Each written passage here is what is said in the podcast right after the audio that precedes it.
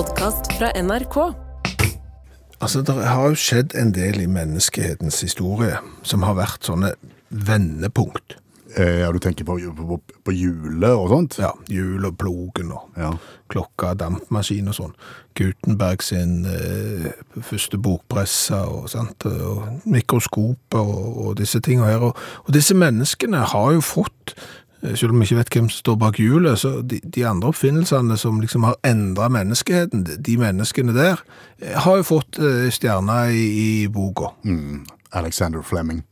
Penicillinen? Det er penicillinen, ja. Ja. Selv om det, det var vel oppdaget omtrent med en sånn tilfeldighet, fordi noen ikke hadde gjort rent. men, men sant?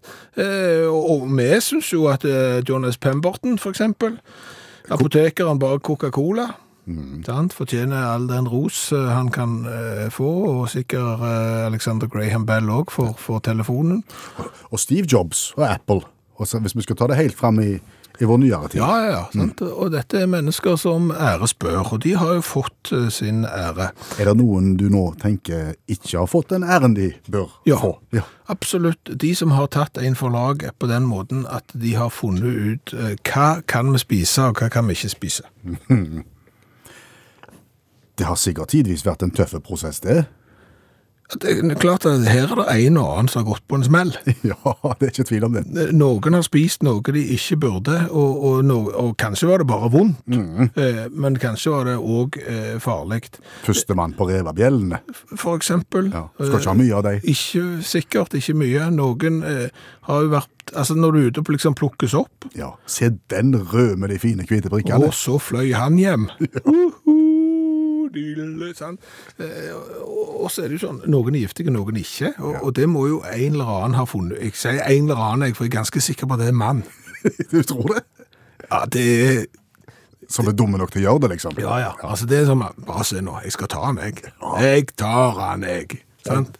Takk for i dag. Det er jo litt den der eh, sånn når vi var hos uh, allmennlærer med to vekttall i musikk og skulle spise smalahove, noe vi ikke var vant med. Stemmer det. Og så kommer vi til øya, ja.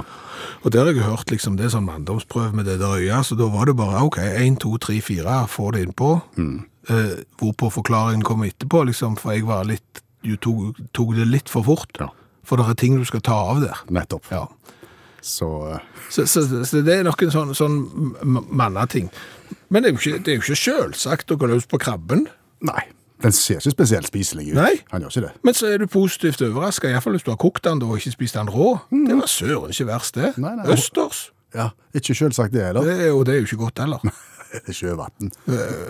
Og hummeren, da? Du tenker at det er den? Du skal ikke spise den? Og blekksprut. Altså, det er, det er masse ting her som- folk har testet ut for oss.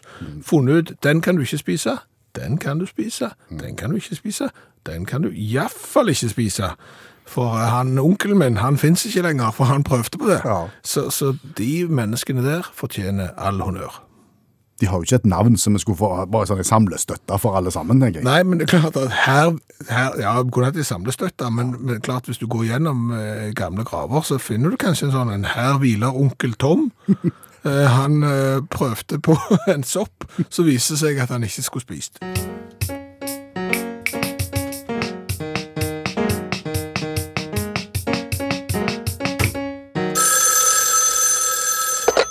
Hallo, ja. Hallais, monsieur Klingsheim! Hei, Stavanger-smurfen. Stavanger-kameratene, go, go, go, skal trege deg igjen. How are you doing? Hvorfor snakker du engelsk til meg? Because I have to train on some international uh, language. Du trenger å øve deg internasjonalt. Ja, for, for uh, nå har jeg funnet ut hva vi skal leve av etter olja. Å ja. Ja. Eh, Hvordan gikk det med den der nynorsk-krona, forresten, som du snakket om forrige uke? Det er det krefter som jobber med. Det, OK. Det er ute av min kontroll. Oh, ja. Jeg ble jo ikke rik av å ha lansert nynorsk krone. Nei. Nei, det jo, skal jo kavne hele samfunnet. Hva er det du skal bli rike på denne gangen? Det Norge skal leve av etter olja, det er lo. LO. Ja. LO. Ja, ikke Landsorganisasjonen. Nei. Ikke sånn uh, arbeiderbevegelse. Nei. Nei, nei, nei. Altså lo sånn som du har i tørketrommelen. Det skal Norge bli verdensledende på. Men vi skal være landet for lo. Greit. Ja. Da tror jeg vi skal ta det fra begynnelsen. Jo, altså først så ble jeg født. Det ble du. Jeg er litt usikker på akkurat hvordan det skjedde, og, og, hvor og når du vil ikke så langt tilbake. Trenger ikke gå så langt tilbake. Å, nei. Det er det lo-ideen jeg vil ha fra starten av. Ja, hvorfor sier du ikke det, da? Jeg tenkte du forsto det. Hager òg, og Klingsheim. Lindesland heter jeg. Ja, samme det radiokabinettet, så driver du bare med vås. Ok, Ja. kom til poenget. Hvordan skal det bli penger av lo? Fordi at lo er det ubegrensa mengder av, nesten. Og, og det er et produkt som folk bare kaster, og, og det er et miljøproblem. Og det kan gjenbrukes. Og nå tenker du det loet som vi da fjerner fra filteret i tørketrommelen? Yes! Og det du tar fra navlen, det er det ikke så mye av, men der er det litt. ja. Altså, For å si det sånn, mange tar jo gjerne det der og hiver det i toalettet. Det det, det er problematisk. Da kan du få tette røyr og sånn. ja. Samtidig så er det en ressurs. På hvilken måte? At- at Du kan jo fylle ting med det. Altså, Tenk deg for eksempel hvis du skal ha en sånn en putejakke. Mhm. Eller hva, hva heter det? Ikke dunjakke, men sånne billige. Mm. Når du skal fylle en sånn boblejakke med ting, så må du ha full masse. Ja, så kan du fylle med lo, ja. Kan du fylle med lo, ja. Mm. Og hvis du skal ha ei sommerdyne som ikke så varm som vinterdyne, så kan du fylle med lo. Ja. Og de der sykehusputene, de er jo så græla Har du ligget på sykehus? Eh, Nei. Altså, sykehusputer er så bedriten dårlige at du skulle ikke tro det var mulig. Men med lo fra ditt konsept, så ville du hatt gode puter. Ja, men sånn som vi lo på sykehuset der, da er det jo sånn at de der putene, sant, når noen har dødd på de eller eh, fått blod på de og sånn, så, så vasker de de jo. Og da blir de så dårlige. Men mine lavkost loputer, Ja. sant, så kan du bare resirkulere innholdet. Men hvordan skal du ha eh, innsamling av lo? Altså Dette her, her foregår jo i de tusen hjem. Altså Min tørketrommel, naboen sin tørketrommel, alle sin tørketrommel. Av og til så har du så lite fas... Ikke fascinasjon, nei. Fantasi var det jeg skulle frem til. Syns du det? Ja. For, for det er klart at det, når du hiver bås nå, sant? så hiver du glass og, og metall eksempel i en container. Og så hiver du plast, for eksempel. Noen har litt Ok, Du skal ha egen lodunk. Skal ha egen lobeholder. Er nettopp, ja. Ja. Og så samler vi inn det, for det du vet at det er resirkulering. Det er big business, det, Klingsheim. Kvindesland? Ja, samme kan det være. Det er big business for det. Glass og metall og alt det der, det er ressurser. Folk tjener mye penger på dette. Ja. Sant? Plast og papir og alt. Skjønner. Ja. Så det er lo som mangler. Nettopp. Ja. Hvor ofte skal det komme lobil og hente? Det har jeg jo ikke tenkt på. Hei, jeg er jo ikke der på detaljnivå sånn altså annenhver tirsdag inn i tømmerkappforløpet, liksom. Nei. Vi er jo ikke der. Nei. Det er jo bare å få i gang et innsamlingsapparat, og så bygger det på seg etter hvert, sant? Og etter hvert så kan vi importere lo fra andre land. Ja. Det eneste som mangler nå, Klingse Kvindesland igjen. Ja, ja, nå gidder jeg ikke si samme kan det være mer. Sagt det så mye. Må følge med. Kunne du spilt dette? For jeg har, jeg har funnet en sang som på en måte skal omfatte hele lo-imperiet. Å ja. Ja. Og det er Og da lo jeg. Og da lo jeg, ja. Ja. Av Busseruls. Den, den ligger under all reklamen vår. På, på, på lo-imperiet. Der er elementer i den sangen der. Stavanger-smurfen. Ja! Der er elementer i den sangen der som ikke tåler 2003. Men jeg skal spille bitte litt av den. Det kan jeg love. OK, Flott. snakkes! Ha det. Og da lo jeg. Ha, ha, ha, ha, litt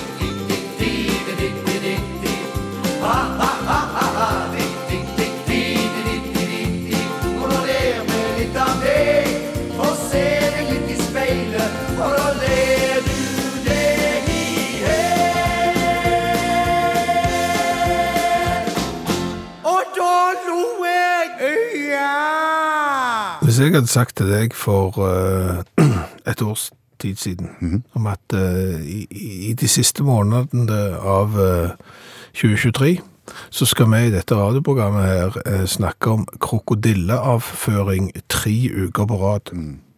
Da hadde jeg sagt at det høres veldig mye ut. Ja, Kanskje nok med én, hadde jeg tenkt. ja det, det, og det var jo egentlig det vi tenkte, for vi begynte med en gang. Eh, Det var jo da vi fant ut at egypterne i gamle dager, og det oppriktig gamle dager, mm. brukte krokodillemøkk som eh, prevensjon. Ja. Litt usikker på, på, på hvordan, men de brukte den.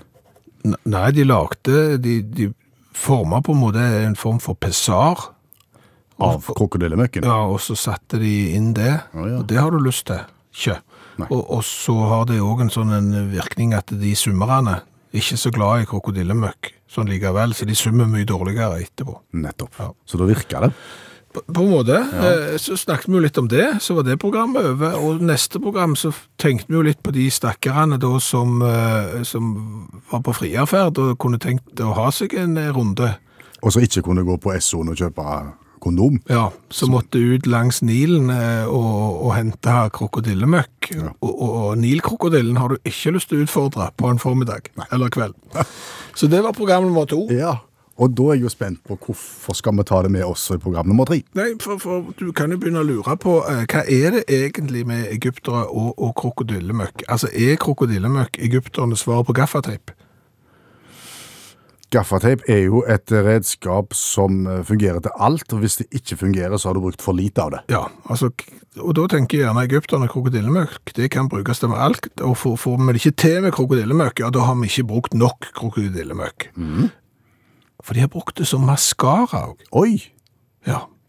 Øyepynt. ja.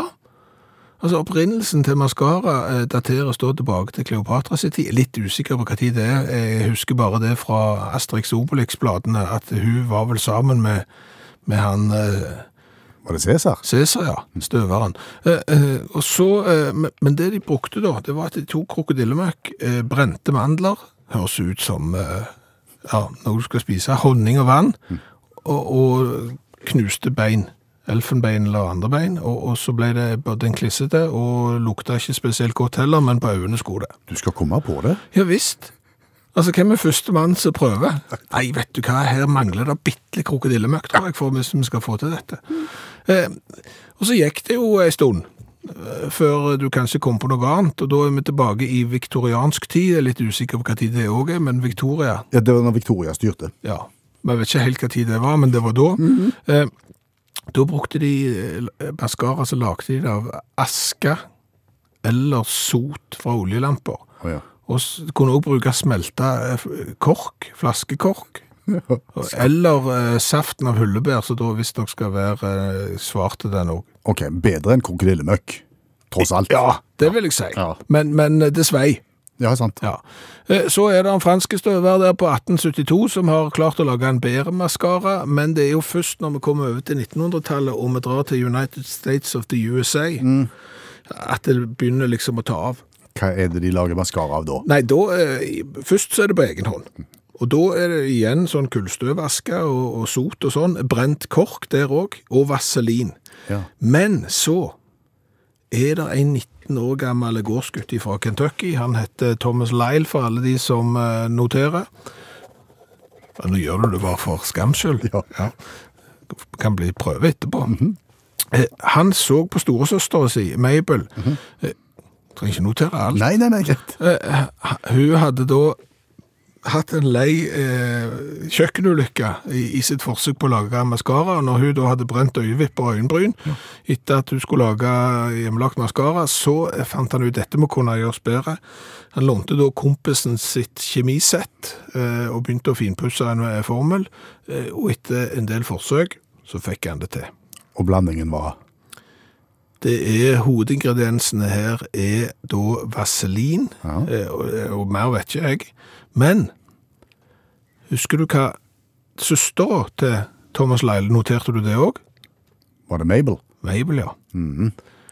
Så da han lagde han maskara, og navnet ble en kombinasjon av Mabel og vaselin. Mabel Vaselin? Nei, Nei. Mabelin. Ja, selvfølgelig. Ja.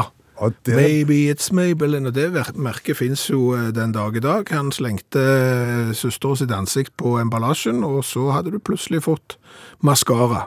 og resten er historie. Ja.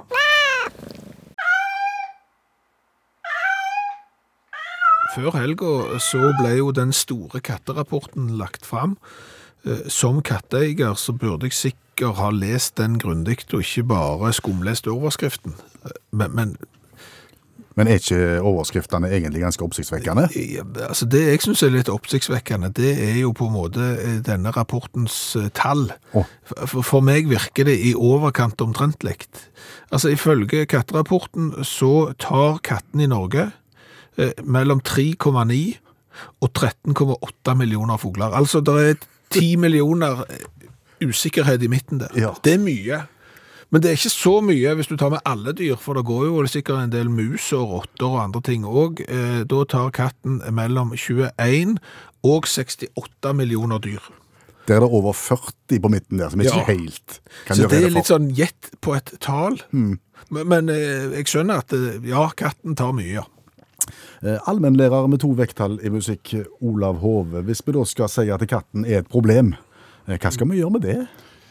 Nei, det er jo, noen må skjerpe seg her, og det er jo definitivt katten. som kan ikke drive på slik. Nei, men hvordan skal en få kommunisert det til katten? Nei, Da må vi gå til vitenskapen, liksom. For det er jo vanskelig å snakke til katt, det vet vi jo. Eh, og og uh, vi kan gå til University of Portsmouth og Sussex. Uh, I 2020 så var Karen McComb, som er professor, hun eh, skrev en rapport sammen med mange andre som heter En eksperimentell etterforskning på rollen sakte blinking har i katt-menneskekommunikasjon skråstrek interaksjon. da. Hun har testet, vet du, katten smiler. Katter Eh, smiler ikke. ja, men de smiler på sin måte. Det er når de lukker øynene, ja, så hakker seg halv, nesten lukker øynene, og så lukker de den helt.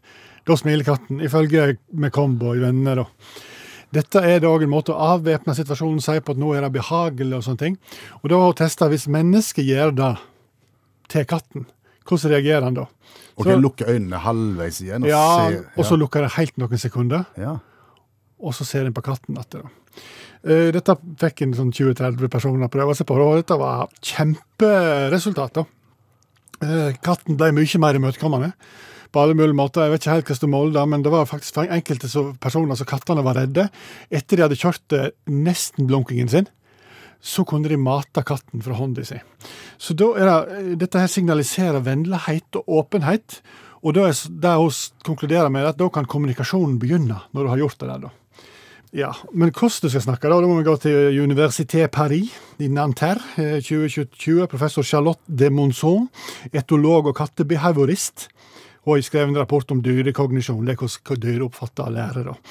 Fått tak i 16 katteeiere, og så har jeg bedt dem For hun har lurt litt på er det sånn at måten vi snakker på, har litt å si. Så fått tak i 16 katteeiere, så har de sagt en del fraser til kattene dine av typen sånn eh, Vil du ha litt fisk? Eller Vil du ha litt fisk? Sånn? Litt sånn babyspråk. Eh, eller Ja, det, det er babyspråk. Hun kaller det for kattedirektert språk. da. Så viser det seg da, da at eh, med en gang du snakker med sånn babyspråk, så er katten mye mer oppmerksom og liksom Å ja, her er et eller annet. Sånn. Så da kan du vennlig med øynene. Babyspråk, så følger han med. Og så repetitivt. sant? Du ha fisk? Du ha fisk? Da, da, da er det der. Sant? Men, men hvordan du skal snakke til dem, det sier de jo ikke noe om. det. Nei. nei, nei. Kan hende at katten tenkte 'Hvorfor snakker du sånn, din tosk?' Ja, det tror jeg. Det, kan vi. Det sier Det ikke er derfor du får oppmerksomhet. For å si, Hva er det nå han driver på med? Se på han nå! Se på han nå! Ja, og da, men da er poen- poenget det er fortsatt ikke løsning. Hvordan snakker du til dem? Uh, og jeg snakker jo f.eks. sogndialekt. Kan jeg da snakke eh, sogning til en østlandskatt, f.eks.? Hva vet jeg? Da må vi gå til Lund universitet. Så in, som, som mellom 2015 og 2020 forsker på om katten har dialekt. Har katten dialekt? Om det preger menneske, og, og om det preger menneskene de bor av. Fem år. Fem år. ja, og da er eh, eh, Lund universitet ligger jo i Skaune. Ja. Så ja, det, er liksom, det er jo Sogn i Sverige. Og Da snakker de helt annerledes enn i Stockholm. Så jeg fikk samla en haug med eh, Skaune-katter og, og Stockholmskatter. Og så sj- sjekka de forskjellen i mjauingen når de var fornøyd. Når katten var vennlig, glad, sulten, irritert og forbanna. Du har greie på katt når du veit forskjell på når en katt er fornøyd og vennlig. Ja. Men de gjorde iallfall det. I fem år. Konklusjon? Ja, Det kan godt være at katter har det direkte, konklusjonen. Eh, eller at de etterligner sin eier, da. Så da er jo Sånn som jeg som har en eh, bekjent av meg som har katt, så han er fra Nord-Norge. Hvis jeg da skal Så må jeg snakke babyspråk på nordnorsk, sant. Må ikke ta fuglene. Ja, Jeg en full nordlending, men det er jo ikke Så det er konklusjonen. Atte med øynene. Eh, snakk babyspråk, og på den dialekten katten har eieren kommer fra. Ja. Okay. Så der kan jeg si står ingenting om det i rapporten. Og, og, og da skal du liksom si at la nå de der småfuglene være i fred. Ja. det kan du tro på. Da tar han bare blikket halvveis i en katten, og så ser han på deg så inni hodet så er det Vet du hva, det driter jeg i. Takk skal du ha, allmennlærer med to vekttall i musikk, Olav Hove. Det er nesten litt flaut, men vi snakker om avføring igjen. Nei, nå tenker jeg det er nok. Det er ikke krokodille nå? Nei, det, det, det er menneskeavføring. Må vi? Ja, eh, vi må det. Eh, God historie? Det, det tror jeg, fordi at eh, når vi testet dette, så hadde hverken du eller meg hørt om eh, Peter Freuchen. Nei. Vi regner med at han er den eldste til Freuchen sine. Ja, det er det vi tror, eh, og han er, kommer fra en lang slekt av lærerinner, Oh, ja. såkalte Frøyken. Ja, sant. Ja. Nei, han er da dansk polarforsker, og det var det kanskje mange nå som eh, satt og hørte på radiokabinettet som ristet på hodet. Dette har de heller ikke greie på. Kjørte om Peter Frøyken? Nei, vi hadde ikke det, men eh, han eh, var da eh, opererte på 20-tallet, 1920-tallet, ikke 2020. Og, og skal blant annet ha eh, vært på en del ekspedisjoner sammen med Knud Og hvem Knut? Rasmussen. Å ja. Ja. Det- daus. Daus. Eh, og, og, og de var mye på Grønland, Ja. og skulle kartlegge Grønland. Grønland og Danmark, det er jo litt sånn to sider av samme sak. Ja. Og så en dag, så blåser det opp til snøstorm, eh, og Freuchen Er han uten Knut? kommer vekk fra Knut og resten av følget, og må da finne ly i ei snøhule. Han tar fjellvettregel nummer et eller annet og graver seg ned i tide. Ja. Smart. Uh, og det er da under et, kan du si, et eldre skred. Altså det er på en måte en overbygning der han uh, lager seg snøhula, legger seg til å sove. Og når han da våkner igjen, så har inngangen på denne hula snødd igjen. Og Og dampen fra hans egen pust har gjort at innsida av snøhullet har blitt til is. helt sånn glasert, ja. Inni der. Ja. Han er fanga i sin egen iglo, han da, på en måte. Og dette er viktig, det som kommer nå. Altså, dette er da eh, henta fra Peter Freuchens egne memoarer. Ja. Ja. Eh, og det Så nå vet dere det. ja for, for nå kommer det noe som, som skulle stille spørsmål ved det. Jeg, ja, jeg, har, jeg har problemer med fortsettelsen her, men, men da er jo han ist inne og klarer ikke på harde livet å bryte seg gjennom denne isen med bare hendene. Og da tenker jeg, har du prøvd å spenne? Men det, Det har, det har Frøyken gjort, for han, han, han har prøvd sånt før. Ja. Men jeg, jeg, det er en klaustrofobisk tanke, dette her. han trenger da noe å hakke med, men alt utstyr ligger jo selvfølgelig på sleden ut forbi. Eh, og da er det å tenke definitivt ut for boksen. Ja. Og det er jo da eh, Freuchen eh, ekspert på tydeligvis, for han skriver da i sine memoarer «Jeg hadde titt eh, sett hundelort i sledesporet, og lagt merke til at den frøs hard som stein. Ja. Ville ikke kulden virke på samme måte på menneskeavføring? Spørsmålstegn. OK. Jeg tømte tarmen, og av Det må, ekskrementen... det må ha vært kaldt. Det har sant, ned bukser, og, eh, og av ekskrementene lagde jeg et redskap i likhet med en meisel. Altså noe som ligner på en meisel, som eh, jeg da lot fryse til. Ja, spørsmål. Ja. Det må jo ha tatt litt tid før den har frøset til å blitt hard. Ja, det, det er jo sikkert ikke Jeg vet ikke hvor fort sånne ting går. Jeg, altså, jeg vet ikke liksom, prosessen, om du former den da mens den er varm, eller halvkald, eller eh, hva tid du liksom lager denne meisen. du skal jo smi mens hjernen er varm. Ja, men du kan jo ikke smi mens bæsjen har heller, så jeg er litt usikker her. Men eh, etter elleve timer, sier han i sine egne memoarer, så klarer han å hakke seg ut av hula med selvprodusert redskap, og, og kommer da krypende til campen der de andre er, og oppdager at eh, tedene på, på, på venstrefoten er svarte og død. Og Ja. Eh, og da, i frykt for å få kålbrann i resten av foten, så amputerer han da sine egne tær med avbitertang, med knipetang. Ja. Og så må han amputere foten likevel. Nei, nei, nei. Men han kom seg ut. Han kom seg ut, eh, takket være, og dette, nå, er- dette her er forbrukertips nesten. Kan dette være tidenes første møkkagreip?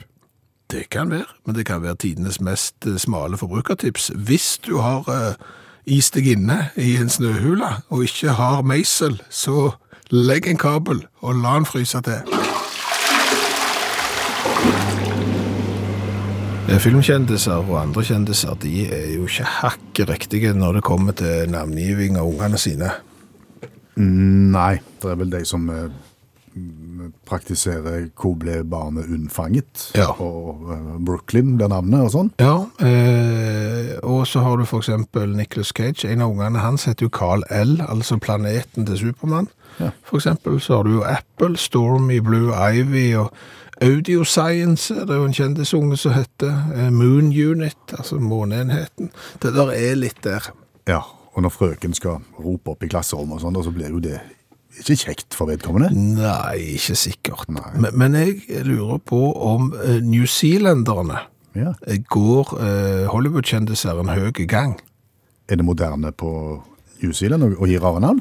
Det, det kan virke som det. Det her er jo noen år siden, men bakgrunnen for, for saken som BBC omtalte i sin tid, er jo det at det var en sånn en foreldrerettssak. Altså foreldrerett-rettssak. Altså du Hvem skal ha foreldreretten til denne ungen? Ja. Og da ble eh, barnet spurt uh, hva hun hette, eh, og hun nekta da å, å svare. Fordi hun syntes det var flaut? Ja. Ja. Hun hette da Talula Dostehula from Hawaii. Talula. Dostehula from Hawaii. Ok. Hadde da foreldrene, som da krangla om foreldreretten, klart å kalle barnet. De har nok andre problemer enn kun det her med foreldreretten, tenker jeg. Det skal du ikke se vekk ifra. Men da eh, tok, tok jo dommeren grep, så hun har jo da fått lov til å så, eh, endre navn. Men da, i kjølvannet av det, så dukter det jo opp eh, at det var, de var jo ikke de eneste newzealandske foreldrene som ikke var helt i vater. Altså, da hadde de jo allerede eh, sagt nei til navn som violence, altså vold. Eh, nummer 16, busskur. Kanskje det er en sånn en bus shelter, kanskje det er en sånn en eh, Der ble ungen unnfanga greier. Ja. Benson and Hedges. Det er jo et sigarettmerke. Ja, eh, det var da tvillinger. Eh, det- fikk de lov å kalle de for. Beklager. Det, det som ikke gikk igjennom, det er jo blant annet tvillingene Fish and Chips. Så, her har Det er jo litt gøy, da. her har det gått, uh, gått alvorlig gale. Uh, sex fruit, fruit, fatboy for eksempel. Det er klart, du, du legger litt grann press på ungene her, eh, hvis du eksempel da kaller han eh, for eh, fatboy eller Cinderella Beauty eller eh, noe sånt som, som, som ikke har sluppet igjennom. Det som er litt artig i denne eh, saken for BBC, det har de åpnet kommentarfeltet for folk med litt rare navn Oh ja, så kan... hvordan de opplever sitt navn. og, og en som har, ja, jeg har et litt uvanlig navn, men, men det har bare hjulpet meg med å skaffe meg venner, sosialt nettverk, og det har økt min eh, selvtillit. Hva heter han? Sier mannen som heter Russell Sprout. Og det er Brussels sprout, hvis du gir på en B foran, eh, så har du da rosenkål på engelsk. Så Russell sprout er nesten Brussel sprout. Kjempegøy. Da får du venner, altså. Ja.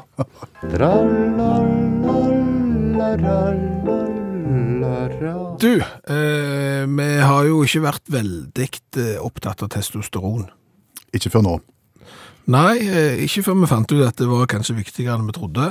Eh, det er jo sånn at hos mannfolk, testosteron blant annet viktig for mental helse og, og beintetthet. Og en masse andre ting òg. Skjeggvekst er jo ikke fullt så eh, viktig, men økt muskelmasse og seksualfunksjon osv. osv. Ja. Det Det er det, er det primære mannlige kjønnshormonet, ja. Yes, det trengs. Ja. Og hvor produseres det hen? I uh, godteposen. I godteposen midt på kroppen, cirka. I, i testiklene hos menn. Ja. Og det må vel være lov å si, det er veldig svakt, sånn evolusjonsmessig. Altså, Du, du tenker plasseringen for testosteronproduksjonen? ja, altså et så eh, viktig hormon, eh, som da skal produseres på kanskje kroppens mest utsatte sted. Er det livsfarlig? Ja, det er jo det. Ja, det er det. Altså, det henger jo der. Altså, det er jo som om du skulle bygge korthus nå eh, i Grindavik på Island. Gjør, Så gale er det. du gjør jo ikke det. Du gjør jo ikke det, for de som ikke forsto den vitsen, så hadde vel de 800 jordskjelv på en time. Eh, Så, eller at du liksom, ja, hvor skal vi sette opp dette pengetrykkeriet heller? Nei, vi gjør det på åpne gater midt i en storby i det mest belasta området. Du hadde jo ikke gjort det heller. Nei, nei, nei. Tenker du at du ville hatt den produksjonen eh, i et annet organ, eller vil du flytte det organet som per i dag produserer? Altså, Vi har vært innom dette før, at det er jo et veldig utsatt område. Ja. Det, det er smertefullt og vondt, eh, og det er mye, mye vondere enn å føde. Det er vi ganske overbevist om i hvert fall. Ja, ja. Detter du ned på stanga på, på apasjesykkelen, Ja. så er det gjort. Har du vært eh, fotballkeeper og, og fått eh, skudd på halv olje fra 33 cm, så gikk den dagen, for å si det fint. Og, Men hvor skulle vi hengt Nei, men de altså, her, da? hvor, hvor, da trenger vi å henge de en plass? Det vil se dumt ut på ryggen. På ryggen, altså, det egentlig så ser det dumt ut der det er nå òg. Altså, hvis du aldri hadde sett et menneske før, og så kom det mann og dame, og så kom mannen uten noe klær, bare som et eple i hånda og en slange rundt halsen eller noe sånt, Ja. så hadde du reagert på det området. Det ser noe rart ut. Ja, og så er det jo ikke vakkert. Nei. Så, så det er jo litt eh, Nei, jeg fatter ikke at det ikke på en måte kan være innvortes. Så vil jo noen si ja, men det skal være kjøling. Ja, det skal det være. Ja, ja, men da får løse det på noe annet vis, da. Det... Jeg tror ikke vi får gjort så mye med dette her. Nei, nei, men vi må ha lov å være kritiske og tore å snakke om det som er vanskelig.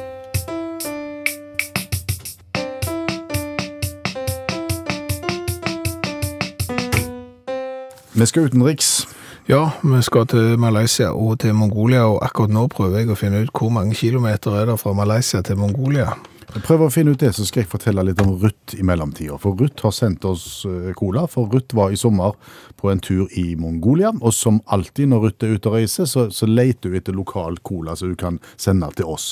Hadde en flott tur med mange flotte naturopplevelser, eh, med besøk hos nomader. Det ble kamelriding og besøk i Gobi-ørkenen, hvor Ruth fant et forsteina 60 millioners dinosauregg har også lagt ved bilde av det egget, i tillegg til colaen.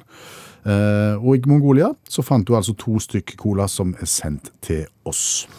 Og vi har den ene nå, og eh, hvis det stemmer det som eh, internettet forteller meg, så vil det ta 51 dager å gå fra Malaysia til Mongolia. Det er den finfine 5515 kilometer, men det er den reisen colaen vår har tatt, i tillegg til å komme til Norge. Ja, For det er en cola som er produsert i Malaysia, og som du sa, kjøpt i uh, Mongolia. Han heter O Sunny Drink Cola.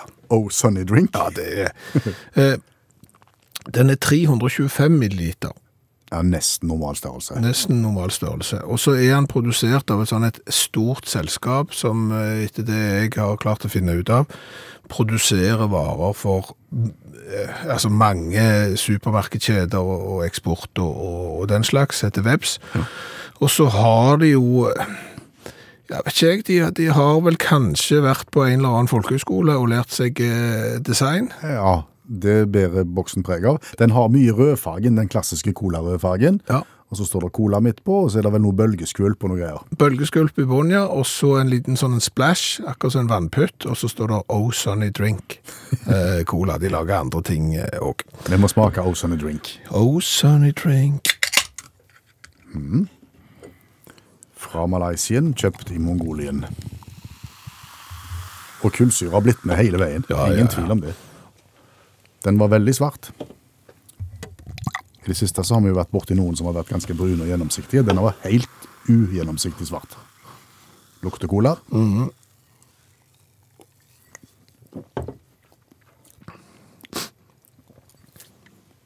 Smaker jo co- cola òg.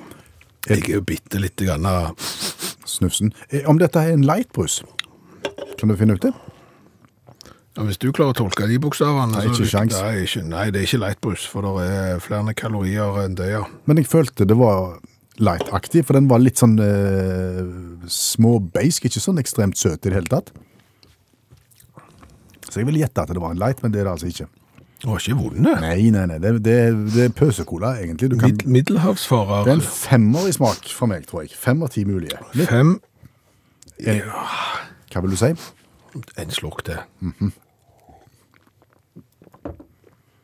Går det fem eller går det seks poeng til Malaysia? Eller fire? Jeg tar seks. Du, da går seks poeng. For nå skal jeg trekke de på design, ser du, så da kan jeg gi de seks her. Ja, for det var litt, som du sier, Ja, litt det- medievalgfag. Det er litt medievalgfag, og det er liksom så du skal prøve å være sånn eh, Du har lyst til å være Sunny Beach, California, et eller annet, men du får det ikke helt til. Men jeg synes at de skal ha for forsøket. Okay. Det, er en femmer midt på der òg. OK, nei, eh, tre. Ok. Åtte pluss eh, elleve 19. 19 poeng totalt til Oh Sunny Drink Cola. Du, så du klarer ikke å si navnet engang uten å le. Hva tenkte du nå? Nei, Egentlig så lurte jeg litt på hvor gammel jorda er, men jeg har ikke Altså, han er, han er gammel. Jorda er godt voksen. Ja, den har vart en stund, ja. Eh, Så du kan si at eh, i jordas levetid så er det ikke lenge vi har hatt eh, folk som har gått på månen. Nei, uhyre lite. Det er kort vindu. Ja, veldig kort. Ja. Men, men det som jo eh, er i ferd med å skje, er at hvis vi ikke forter oss nå, så, så vil vi jo igjen gå inn i den perioden der vi ikke har noen levende mennesker på jorda som har satt sin fot på månen. Så, du, ja, du tenker vi må opp igjen nå, fortere, fortere enn svint? Altså, jeg vet de har planlagt eh, noe sånn Artem, Artemis, Artemis-greier, så de holder på med, men, men eh, de, de har ikke mer enn tid og veien hvis de skal eh, få satt sin fot på, på månen. Hvor mange sånn totalt sett gjennom historien har vært oppom? Tolv. Tolv. Eller null hvis du mener at eh, det aldri har skjedd, og at de som gikk på månen, gikk i et filmstudio i Las Vegas, eksempel. Ja, Da er det null. Da er det null. Ja. Men hvis vi, hvis vi velger å tro at det, det er en mulighet for at de kan ha vært Ja, der det er jo helt umulig. Slutt da. Det var ironi. Nei, da er det tolv. Ja, og, og hvor mange av de er fortsatt blant oss? Det er fire. Og de er ikke ungdommer. Nei, altså det var jo Buss Aldrin fra Apollo 11, som han var jo andre mann på månen. Han var førstemann som tiste på månen. Ja. Uh, Han er jo ikke noen ung tase. Han er over 90. Han er 93 år, men han har jo nettopp gifta seg da. Ja, ja. Så eh, enten så får han et par år ekstra, eller så mister han et par år der. Det er litt uvisst. Mm. Så har du en som heter David Scott. Eh, Han var med på Apollo 15. Han er 91. Mm.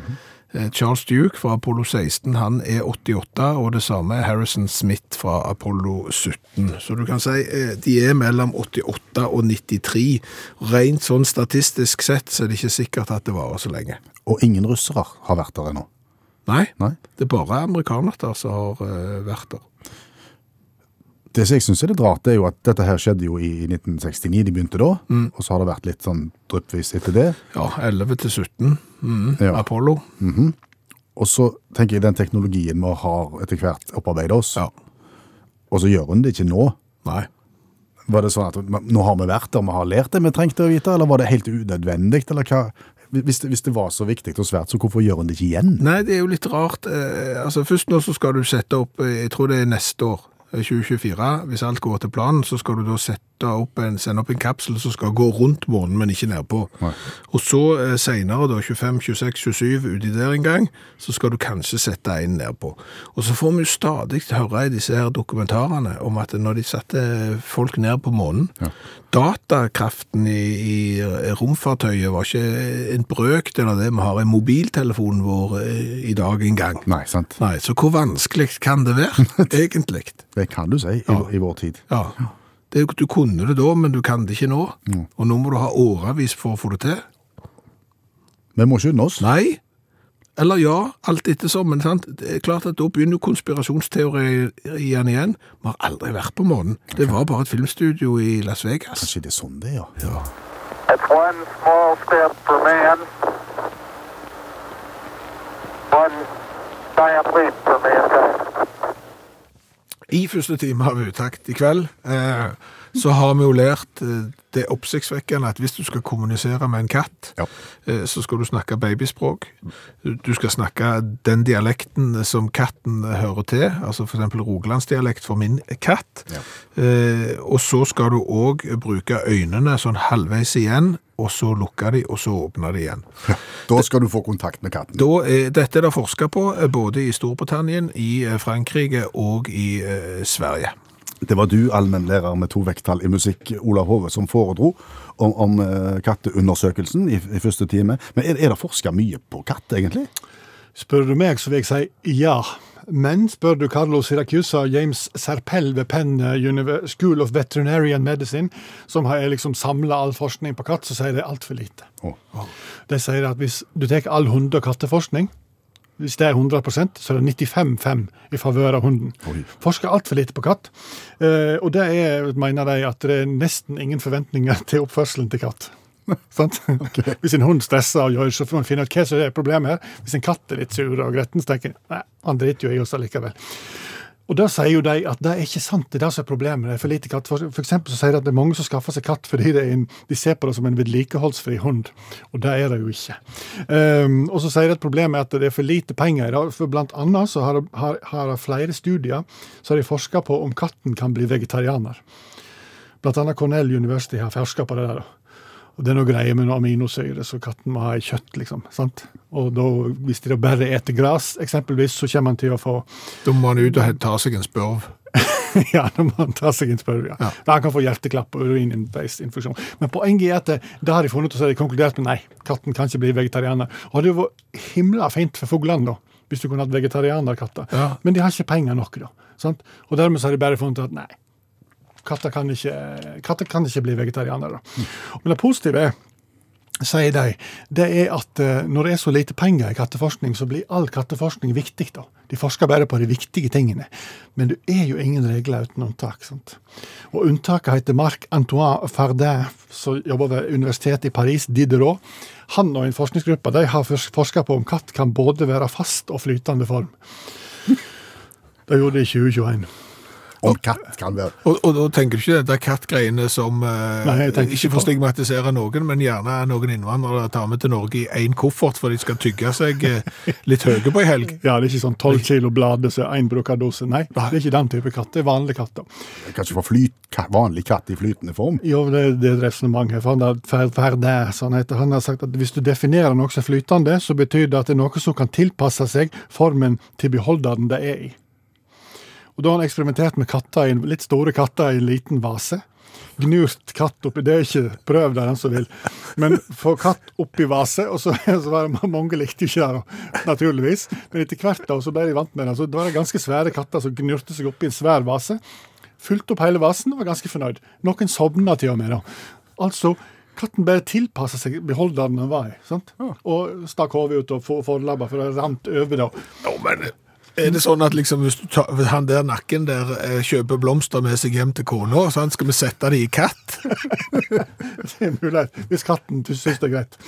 Og så har han på annen side prøvd, og jeg skjønner ikke hvorfor du prøver, men du har hatt katt oppi fullt badekar med vann. Du trenger jo egentlig ikke prøve det, men han har gjort det da, i vitenskapen sin tjeneste. Ja, Da svømmer vel katt? Nei, de gjør jo De ikke blir det. fly steike forbanna. forbanna. Han hadde jo tredoble grytekluter på seg, eh, sånne grillvotter, uten at det hjalp noe særlig. For da er jo katten kommet seg ut. Ja. Så ja, Han tar avstand fra vannet, og da er det ty typisk tegn på at han er i fast form. Så konklusjonen er katt er både flytende og fast form. Dette fikk han sånn Ig Nobel-pris for, eh, for de som lurer på det. da.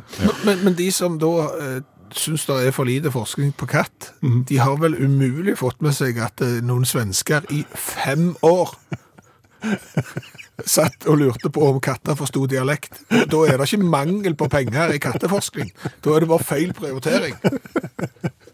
Og det som var viktig. Kun det viktige. Ja. Å, å, herligt. Mjau. Hva er, hva er mjau på, på skånsk? Mjau. Takk skal du ha, allmennlærer med to vekttall i musikk, Olav Hove.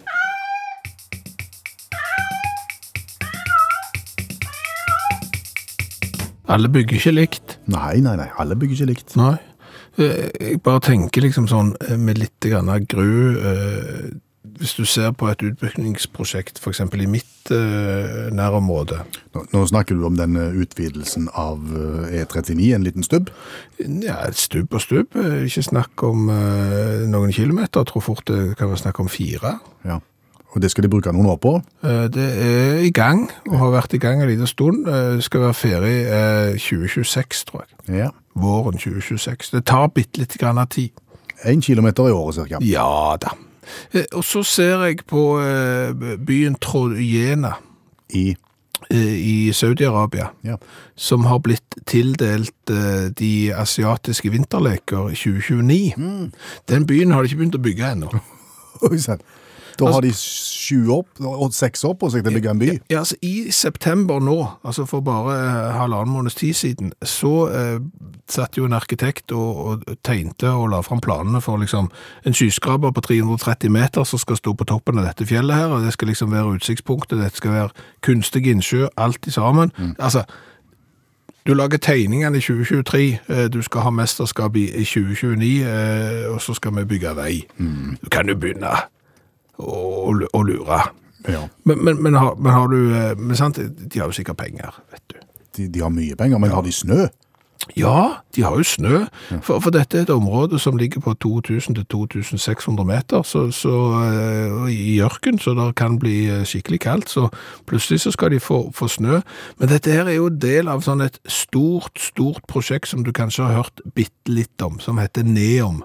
Det sa de kanskje ikke noe. Nei. Men, men det er liksom et stort område der som skal bli eh, forskjellige byer. Du skal ha flyplass der, du skal ha industriområde der, du skal ha eh, Saudi-Arabias første store skianlegg der, og så skal du ha den der bygningen som du hørte om kanskje, The Line, linjen. Ja.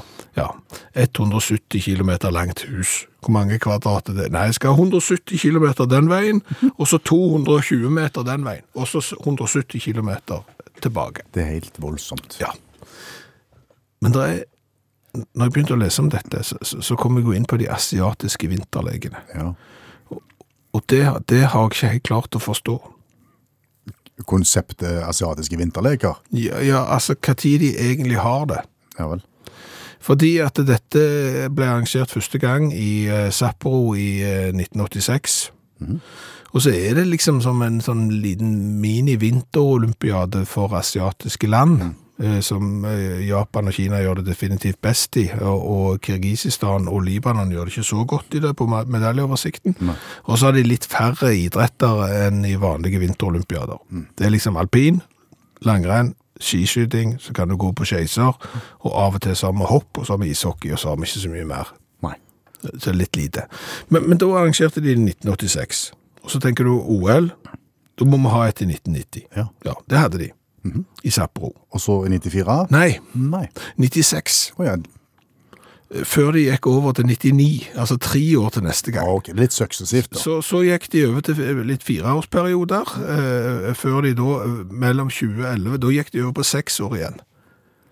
Og så eh, har de jo selvfølgelig hoppet over en gang, fordi at det har vært en pandemi, så nå er det kineserne som skal ha det i 2025, og så er det da Saudi-Arabia som skal ha det i 2029, i en by de ikke har bygd ennå. Nettopp. Og da skal de gå på langrenn. Og vet du hvem som er veldig god til det? Nei. Det er sjiamuslimene.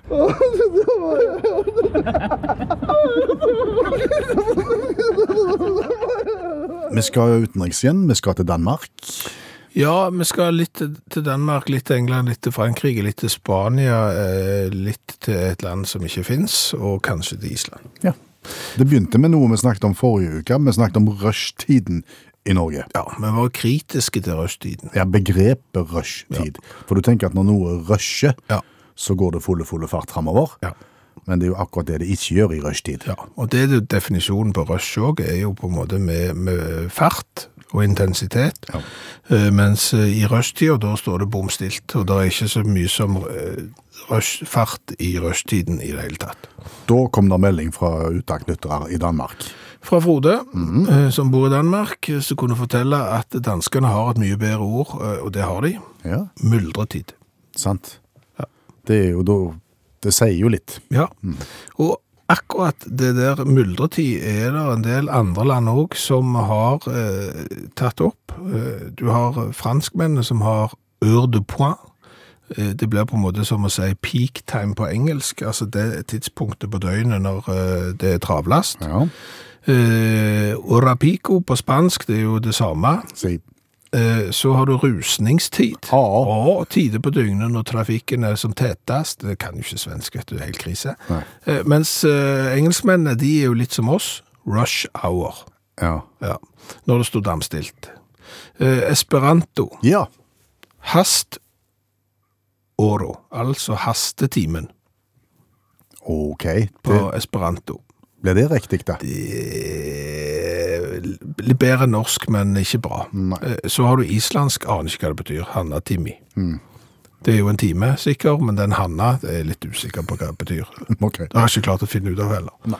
Hvem heier vi på her, egentlig? Vi heier, vi heier på dansk. Ja, det ikke, For å si det sånn språklig, så er det ikke ofte vi heier på danskene. Det, for det er jo Altså, det var, jo- hvis det var noen som kalte det for rushtid, så var det jo for danskene. Ja, for de ja, tar jo engelsk som bare det. Men myldretid, det er for en gangs skyld går danskene av med en språklig seier. Daus.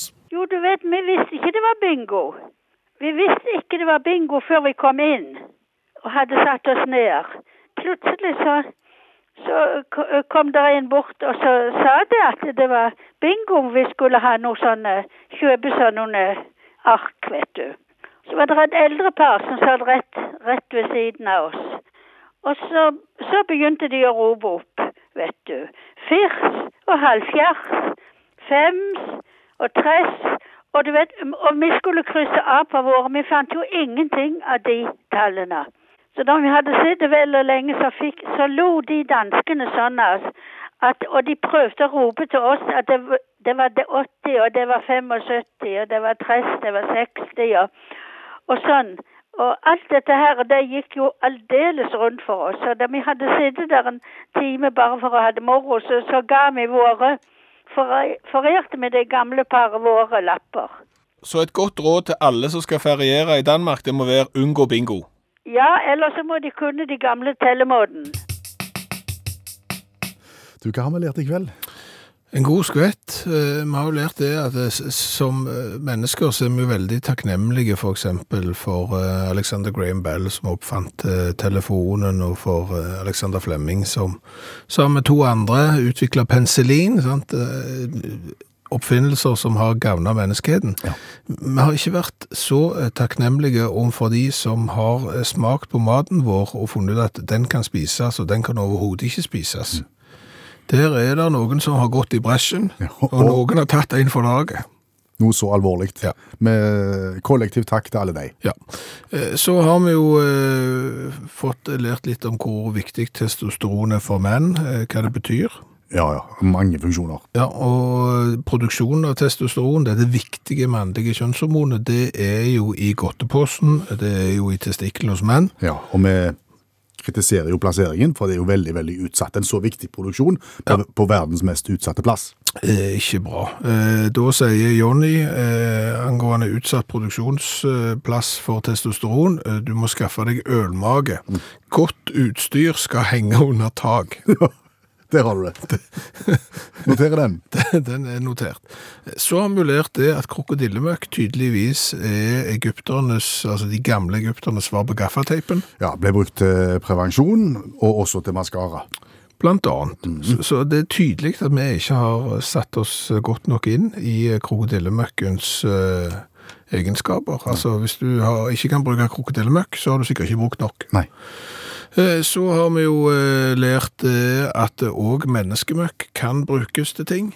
Ja, mm, han som satt da inne i, frosset inne i egen snøhula. Ja. Eh, Polarforskeren eh, Peter Freuchen, en danske som da eh, måtte grave seg ut ved hjelp av sin egen frosne avføring. Dette henta fra memoarene hans, han har skrevet de sjøl. ja. Han, Ja. han lagde ei hakke, faktisk. Ja, så, så det kan hende at han smørte på litt, for å si det sånn, på denne historien. Ikke godt å si. Men det var det. Bjørn og Skjævland. Per Øystein Kvennesland heter jeg.